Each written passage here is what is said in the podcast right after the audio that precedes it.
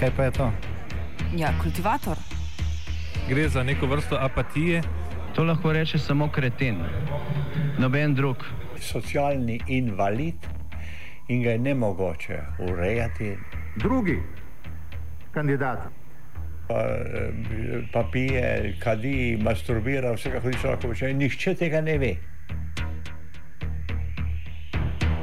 Vsak petek skultiviramo dogodek tedna. Lahko po kriterijih radio študent, težko pa po evropskih kriterijih. Ampak na drug način, kot vi to mislite. Kultivator vedno užge. Da pač nekdo sploh omenja probleme, ki so, in da pravzaprav sploh nekdo sproži dogajanje uh, v družbi. To drži, drži.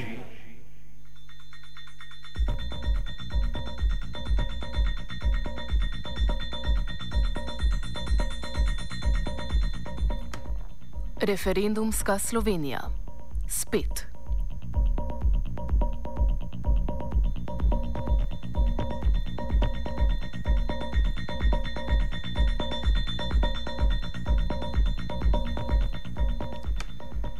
Torkovo predpraznično politično dogajanje je razburkalo 30 poslancev s poslansko skupino opozicijske pozitivne Slovenije na čelu, ki je tik pred iztekom roka v parlamentarno proceduro uložilo podpise za začetek postopka za razpis referenduma o zakonih o tako imenovani slabi banki in državnem holdingu.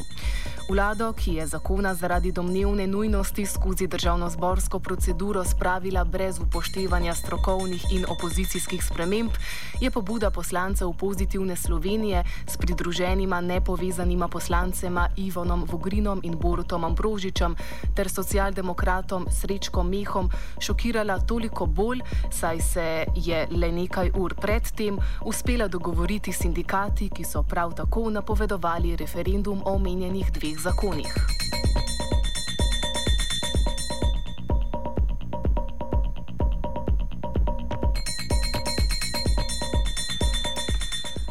Opozicija je sicer zakona, ki naj bi bila po mnenju vlade nujna za ukrevanje pešajočih domačih javnih financ, vs postopek ostro kritizirala in jim očitala, da se z njima pripravlja razprodaja državnega premoženja in politično ter netransparentno ravnanje z njim, a je prav tako zanikala njihovo spodbijanje z institutom referenduma. Tako naj bi ostalo, je na današnji tiskovni konferenci razlagal predsednik pozitivne Slovenije Zoran Jankovič, če ne bi vlada zaradi domnevne neveljavnosti zavrnila več kot 600 podpisov za referendum o zakonu o slabi banki, ki jih je uložil sindikat kemijske, nekovinske in gumarske industrije Slovenije. Ker je vlada pobudo sindikata zavrnila tik pred koncem roka in so bili tako onemogočeni pridobiti nove podpise, so se jim po Jankovičevih besedah odločili pomagati v pozitivni Sloveniji in podpreti njihovo jasno izraženo voljo po referendumu.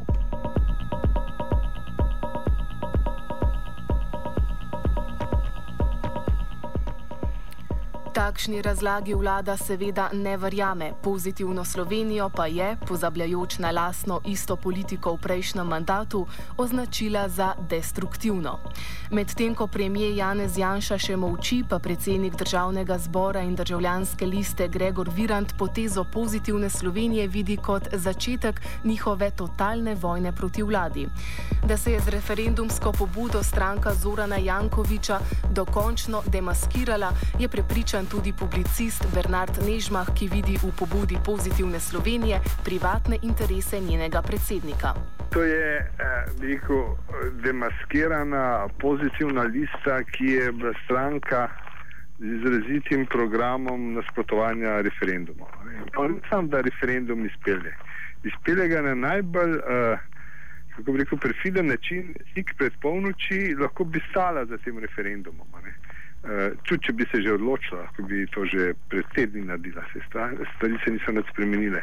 Tako da um, bi se zelo strinjal z, z uh, pogledi, sploh v financah, kjer so stvar enostavno pojasnili, da gre za interes uh, uh, vodje pozitivne Slovenije, ki ima sam veliko bančne dolgove in zakon o slabi banki bi mu bi ga spravil na plan oziroma bi, bi to stanje odlaganja plačil temeljito spremenil.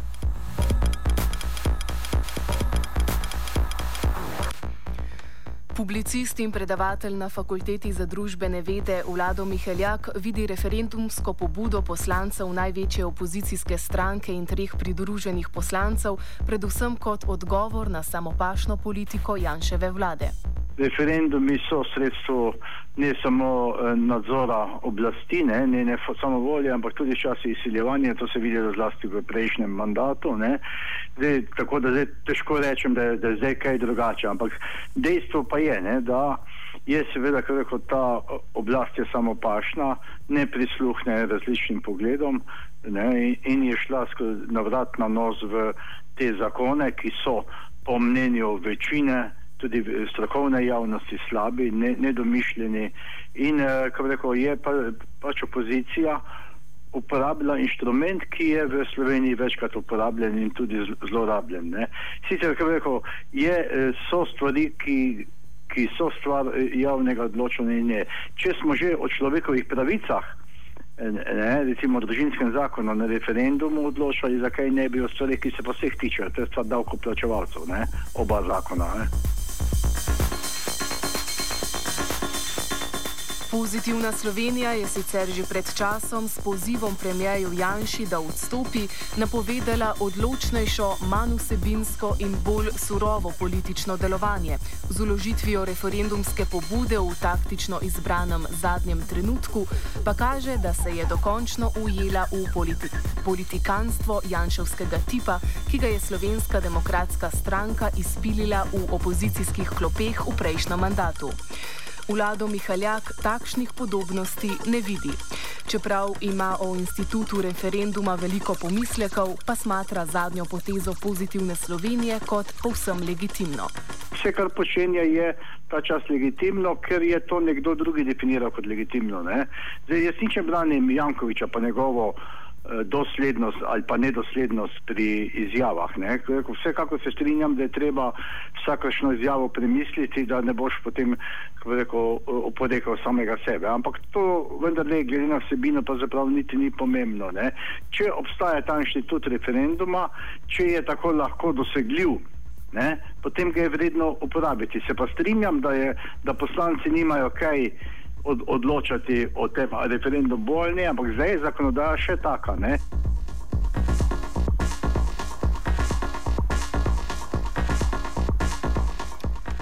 Da obstaja razlika med referendumskim rušenjem vladnih zakonov, kakršnega je v prejšnjem mandatu uprizarjala Slovenska demokratska stranka in med zadnjo pobudo pozitivne Slovenije, je prepričan tudi Nežmah.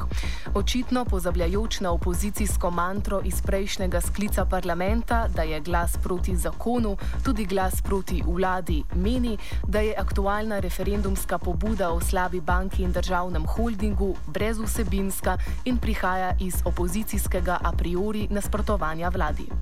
Vsak referendum je odgovor na, na potezo vlade, ne, s katero nismo zadovoljni, tako drugače. Ne. V tem primeru uh, jaz vidim pravzaprav nekaj drugega. Ne. Mi smo slišali o referendumu, ampak zdaj se pa tako vprašamo, ali državljani pravzaprav sploh poznamo, kaj je bil ključni, ključni kratek stik. Kaj, stoh, kaj je sploh bila tista točka, zaradi katere eh, bi rekel opozicija ni podprla vlade, oziroma kaj drugačnega, tako o, jasno, jasno razločnega je zahtevala. Ne? Tako da, ker teh eh, točk nimamo, je seveda gre bolj za nasprotovanje en blok. Eh, veliki plan eh, vlade, s katerim poskušajo pač spremeniti eh, ta eh, negativni gospodarski ustroj, eh, a priorno napade, ker pravzaprav dejansko lahko bi se pogovarjali o vsebinah in pogledali, kaj je tista točka, zaradi katere eh, bi rekel pozitivna Slovenija ne ni podprla ali pa ne podpreja. Kot edini poslanec druge največje opozicijske stranke socialnih demokratov se je referendumski pobudi pridružil tudi Srečko Meh. Kot je znano, so v SD vse skozi zatrjevali, da z ljudskim glasovanjem ne bodo nasprotovali vladnim zakonom. Takšno stališče pa v teh dneh glasno ponavlja tudi njihov predsedniški kandidat in nekdani predsednik stranke Borut Pahor. Meha smo zato vprašali, kako na njegovo odločitev gledajo znotraj stranke. Ja, mi se še potem nismo sesali, ker je vmes bil, bila potem sreda in četrtek, danes je prvi delovni dan. Jaz seveda pričakujem, da bo kdo kakšno rekel, ampak v bistvu socialni demokrati dopuščamo, da se lahko poslanci, poslanke in poslanci odločamo po svoji vesti in eh, to smo kar nekajkrat naredili. Naj spomnim, da so tudi eh, trije poslanci oziroma dva poslanca in ena poslanka glasovali proti poroštvu iz eh, za termohranno Šoštan eh, v torej, poslanski skupini socialnih demokratov. Mi imamo uh, dogovor, uh, ki je lahko tudi zelo čvrst, kadar gre za posamezne vprašanja, kadar so pa ta vprašanja vezana na tako pomembna vprašanja, o katerih smo socialni demokrati vse skozi uh, verjeli in delali za to, da bi izboljšali ta dva zakona, potem pa mislim, da sem se prav odločil.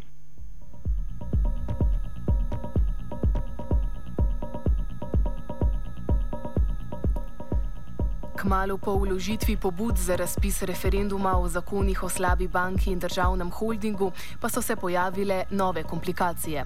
Predsednik državnega zbora Gregor Virant je namreč sporočil, da so podpisi poslancev pozitivne Slovenije pod pobudo za referendum o slabi banki zgolj kopirani in ne podpisani tudi fizično, kar bi utegnilo biti sporno. Na vsak način obstaja dvom, da je bila njihova volja izražena na zakonito oziroma na takšen način, kot ga zakon o referendumu predvideva v roku. Virant je za mnenje zaprosil več pravnih strokovnjakov, ki so potrdili njegove sume o neveljavnosti kopiranih podpisov. Predsednik državnega zbora je tako pred nekaj urami sklenil, da pobudo za referendum o slabi banki zavrne. Govorili smo s pravnikom Rajkom Pirnatom, ki je pred sprejemom odločitve prav tako svetoval Virantu. V pravu uh, se skeni ali drugače na tehnični način generirane slike podpisov imenujejo faksimile. In kadar ne ima faksimile pravni pomen podpisa, mora to zakon posebej določati. V svojem mnenju sem naštel kar nekaj zakonov, ki to posebej določajo. Eh, v splošnem pa to ne velja in zakon o referendumu in ljudski inicijativi nič ne govori o skeni, uh, ampak samo o podpisih. Zdaj, da to pomeni lastnoročni podpis, izhaja tudi iz poslovnika državnega zbora, ki to v 113. členu izredno določa.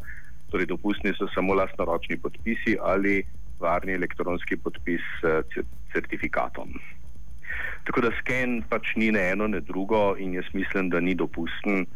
V tej povezavi pa seveda tudi uh, naknadne izjave poslancev, da seveda imajo resnično voljo, da njihovi podpisi to pomenijo, uh, ni pravno relevantna. Glede tega je zakon popolnoma jasen. V prekluzivnem roku sedem dni po sprejemu zakona je treba vložiti zahtevo z podpisi, ne pa pozneje izjavljati, da želijo referendum. So pač zamudili rok. Že ob Virantovih prvih pomislekih o neveljavnih podpisih pod referendumsko pobudo so se odzvali v pozitivni Sloveniji z mnenjem, da je vložitev kopiranih podpisov večletna praksa v državnem zboru. Vodja poslanske skupine Pozitivne Slovenije Jani Müderendorfer meni, da je potem takem neveljavnih mnogo aktualnih zakonov. Prepričan sem, da če bi šli to preverjati za nazaj, je pade polovico slovenske zakonodaje, zakonodaje ki danes velja. To se s takšnimi izjavami in s takšnimi potezami preprosto ne moremo kar tako igrati. Pravnik Pirnat odgovarja, da s takšnimi praksami ni seznanjam, a da tudi če bi bile, bi bile nezakonite. Ena kršitev pa nikakor ne opravičuje nadaljne. Jaz sicer ne vem za to prakso, sem pa tudi jaz slišal, da naj bi ta praksa obstajala. E, če je obstajala, seveda je bila očitna kršitev 113. člena poslovnika državnega zbora in prejšnje kršitve ne dajo pravne podlage za to, da bi bile pravno veljavne poznejše kršitve. Torej, ene kršitve ne opravičujejo drugih. Um, tako da to, to je pravno popolnoma neupošteven razlog. Um, mislim tudi, da če je taka praksa bila, bi morala biti spremenjena. Res pa je, seveda, da je eno uh, vložiti amandma ali pa vložiti uh, predlog zakona, kjer so uh, roki, uh, torej za predlog zakona sploh ni nobenega roka. Drugo pa seveda je tako pomembna Eh, pomembna vloga, kot je zahteva za razpis zakonodajnega referenduma. Eh, mislim, da pri slednji še posebej se je treba držati uh, formalnih pravil.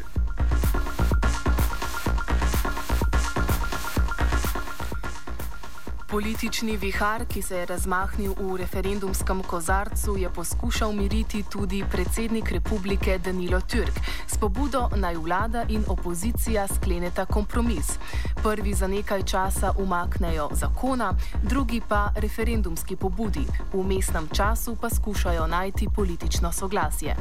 Rajko Pirnat ugotavlja, da je njegova pobuda pravno naivna, saj vlada ne more umakniti zakon, ki je bil že sprejet lahko ga ustavi zgolj z novim zakonom, ki bi spodbijal starega. To, da bi bila taka praksa, da zakon še ni dobro začel, ne bi veljati in bi že razmišljalo o tem, da se ga razveljavi, to se še ni zgodilo in je, kot sem že rekel, malček smešno. Ampak um, res je seveda, da pravno, ko je zakon uveljavljen, lahko vlada ali drug predlagatelj predlaga zakon o razveljavitvi tega zakona ali zakon o zadržanju izvrševanja. Zdaj, v, v praksi je en zakon, ki je zadržal izvrševanje nekaterih določb uh, uh, zakona o denacionalizaciji, enkrat že bil, ampak ni bil takoj po uveljavitvi zakona o denacionalizaciji, pač pa več let kasneje.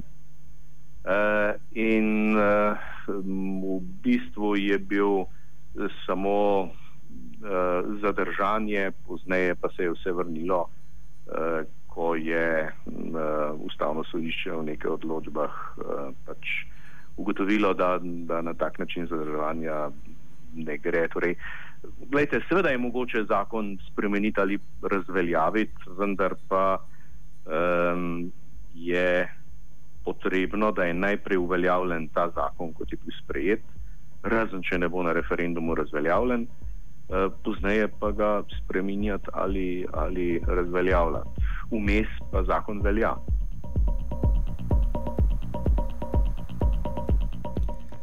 Vlado Mihaljak opozarja na političen vidik predsednikove pobude, potem ko se zdi, da je dialog med opozicijo in vlado glede spornih dveh zakonov, ukolikor je sploh obstajal, izčrpan.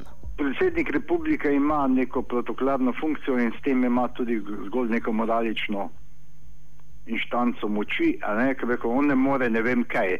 Lahko sicer uh, k dialogu pokliče, ampak on ne sme in ne more preklicati, preden ni, ni, ni neka faza pogajanj zaključena. Zdaj je očitno prišlo do, do te točke, da niso več vedeli kam, šele zdaj je smiselno, če sploh ne, da se umeša. Ne vendar je, kako rekel, eh, predsednik republike mora biti skromen, varčen pri umešavanju v dnevno politiko. Pri, ne, mora kdaj pa kdaj, ne, uh, mora kdaj pa kdaj uh, kaj povedati, ampak ne prepogosto. Če prepogosto pove, potem nima no, nobene moči, ker njegova moč, kot sem rekel, je samo moralična. Ne. Če ne nekdo moraliziraš, potem si, si z inflacijo besed nekako omejil. Jaz mislim, da je pravilno povedal, dvomim pa, da bo imelo to kakšen učinek. Ne?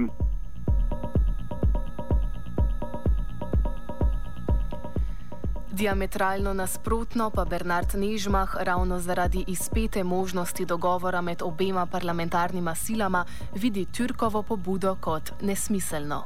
V tem očitnem neskladju je Turk poskušal uh, narediti vtis, da je on tisti, modrec, ki bi stvari eh, eh, povezal med seboj, ampak to, če ti predsednik predlaga stvari, ki, ki so pravzaprav eh, skregane s pravom, je in tudi v situaciji, je govorno nesmisel. Ne? Če se politične stranke v, v 3, 4, 5 mesecev ne dogovorijo in skratka ta nedogovor, uh, nedogovor pomeni kdaj, da se ga očitno tudi ne da narediti. Ne?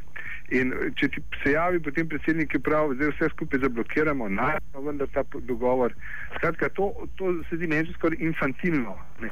Infantilno govorenje, kako je treba uh, poenotiti dva, ki sta. Uh, Rekel, uh, klasična antagonista. Ne.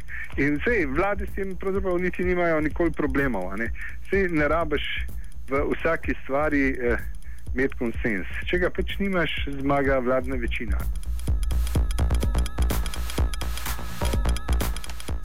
Po zadnji Virantovi odločitvi o neveljavnosti referendumske pobude o zakonu o slabi banki, pred vlado tako stoji le še grožnja referenduma o državnem holdingu.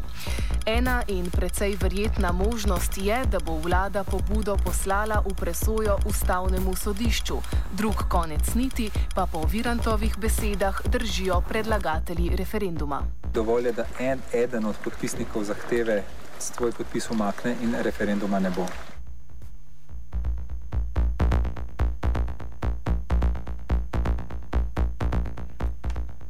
Zaradi tega subtilnega namiga o možnosti umika podpisov smo so predlagatelja referenduma Srečka Meha vprašali, ali je bil deležen kakršnih koli pritiskov ali lobiran, da svojo odločitev spremeni. Ne, pritiskov pravzaprav ni, mene ni nihče klical, pa seveda pa čutim dogajanje okoli SD-ja, okoli tudi drugih recimo pozicij znotraj Šaleške doline. Seveda se vse skozi pojavlja vprašanje, ali bo zato ogrožen poroštvo za termohrano Šoštan in da bi to naj bilo nekako pogojeno referendum ali ne poroštvo. Če je to tako, potem pa se bo ta slovenska politika res razgalila v najbolj umazani podrobnosti.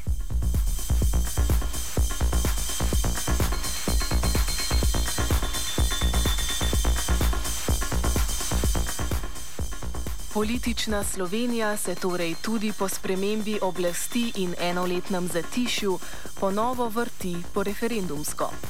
Če glede česa si je politika v Podalpju očitno enotna vsaj glede tega, da se sama najbolj znajde v primitivnem oblastniškem boju, odločanje pa prepušča, kakor se za pravo demokracijo spodobi, ljudstvu.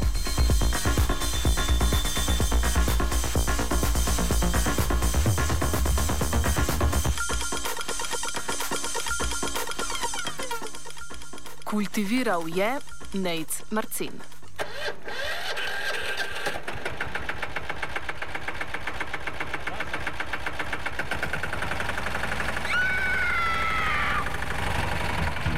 E, kaj pa je to? Ja, kultivator. Gre za neko vrsto apatije. To lahko reče samo kreten, noben drug. Socialni invalid in ga je ne mogoče urejati. Drugi kandidat. Pa, pa pije, kadi, masturbira, vse kako ti človek počne. Nihče tega ne ve. Vsak petek skultiviramo dogodek tedna. Lahko po kriterijih radio študent, težko pa po evropskih kriterijih. Ampak na drug način, kot vi to mislite. Kultivator vedno užge. Da pač nekdo sploh omenja probleme, ki so, in da pravzaprav sploh nekdo sproži dogajanje uh, v družbi. To drži, drži.